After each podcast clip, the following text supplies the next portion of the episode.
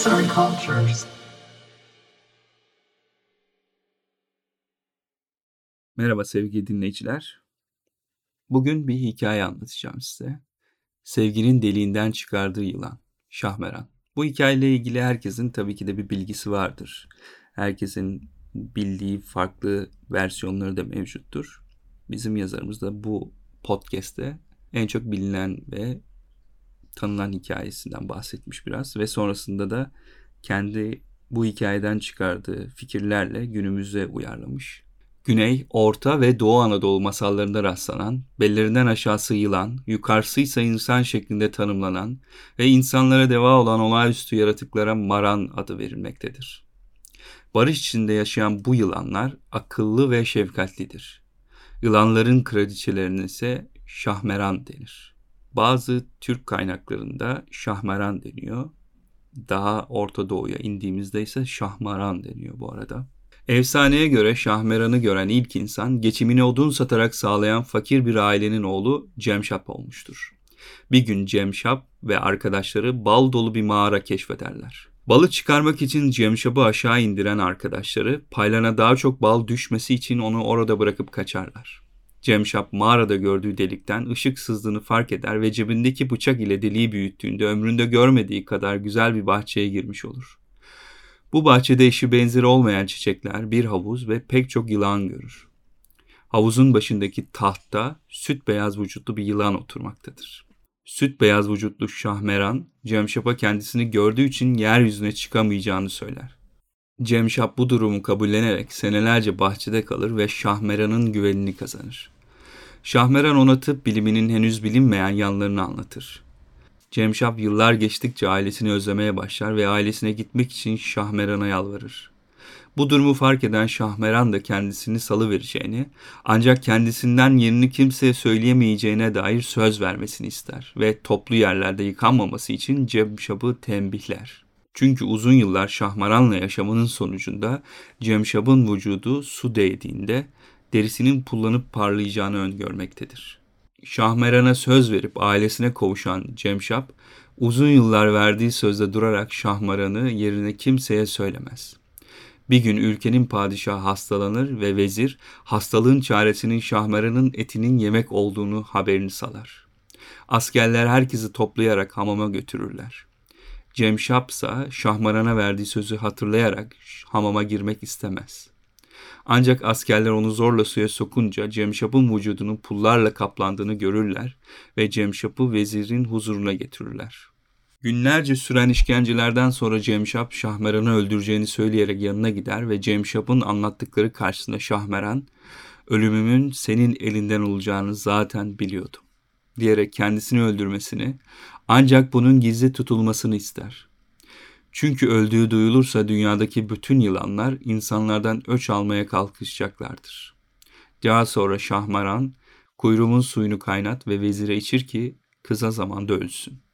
Gövdemin suyunu kaynat ve krala içir ki iyileşsin. Kafamın suyunu kaynat ve iç ki Lokman hekim olasın diye ekler. Cemşap, Şahmeran'ın dediklerini yapar ve kötü kalpli vezir, kuyruktan kopardığı parçayı ağzına atar atmak oracıkta can verir. Vezir ölür, kral iyileşir ve Cemşap da Lokman hekim olur. Şahmarını kaybetmenin acısına dayanamayan Cemşap, suçluluk duygusunun verdiği acıyla Şahmeran'la karşılaştığı mağaraya gitmeye karar verir. Mağarada karşılaştığı bilge yılan, Şahmeran senin için kendini feda etti. Onun bilgeliği ve ruhu senin bedenindedir. Sen gezdikçe bütün canlılar seninle konuşacak ve sana kendi sırlarını verecekler. Yılanlarsa senin muhafızlığını yapacaklar. Sen de bu bilgileri insanlara ver. Diyerek mağaranın karanlığında kaybolur. Lokman Hekim yıllarca hiç durmadan gezer. Çiçekler, otlar ona hangi hastalığı iyi geleceklerini fısıldarlar. Lokman Hekim aylar boyunca dağlarda, ovalarda ölümsüzlük ilacını alarken bir gün bir dağın yamacında uyuyakalır. Rüyasında bir ses ona, bunca zamandır arayıp bulamadığın ilaç bende. Bu ilaçla birlikte insana ve hayvana ölüm olmayacak der.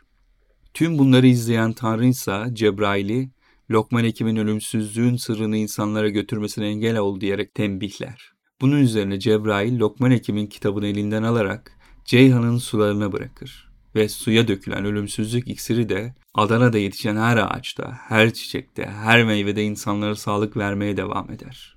Efsaneye göre bu yüzden Adana toprakları her bakımdan verimli ve her bakımdan cömerttir. Meyvenin en tatlısı, çiçeğin en güzel kokulusu, ağacın en yeşili, otun en çeşitlisi Çukurova topraklarında yetişir. Bu kısımda da yazarımızın değerlendirmesinden bahsedeceğiz. Şimdilerde şahmeranlar ve cemşaplar. Efsaneler ölmez, şekil değiştirir. Ve inandığımız, güvendiğimiz insanlar uğruna kendimizden, şahı olduğumuz her durum ve duygudan vazgeçebilecek kadar çok sevmek, ruhumuzun derinlerine işlenmiştir.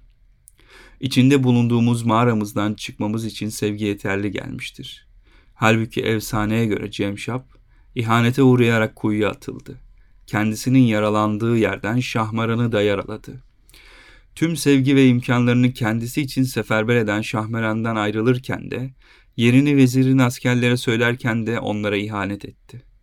Şahmeran'ın ölürken bile hem yılanları, hem yılanların öcünden insanları, hem de hekim olması için Cemşap'ı koruma çabası, dünyaya inanmamızı sağlayan o yegane umut kırıntısı olabilir.'' Efsaneye göre Şahmeran'ın öldürüldüğünü yılanlar o günden beri bilmemektedirler. Şahmeran'ın öldürüldüğünü öğrenen yılanlar tarafından Tarsus ve bölgesinin bir gün istila edileceği rivayet edilir. Şahmeran hamamı tarihi bir özelliğe sahip olmasının yanı sıra yılanların şahı olarak bilinen Şahmeran'ın öldürüldüğü yer olduğuna inanılması nedeniyle halk arasında önemli bir yere sahiptir. Hamamın göbek taşında ve iç kısmındaki duvarlarında görülen hafif kırmızıya yakın rengin burada öldürüldüğü düşünülen Şahmeran'ın kanından geldiğine inanılmaktadır. Yazan Gizem Akşahin, editör Emine Türal, seslendiren Rıdvan Tüzemen.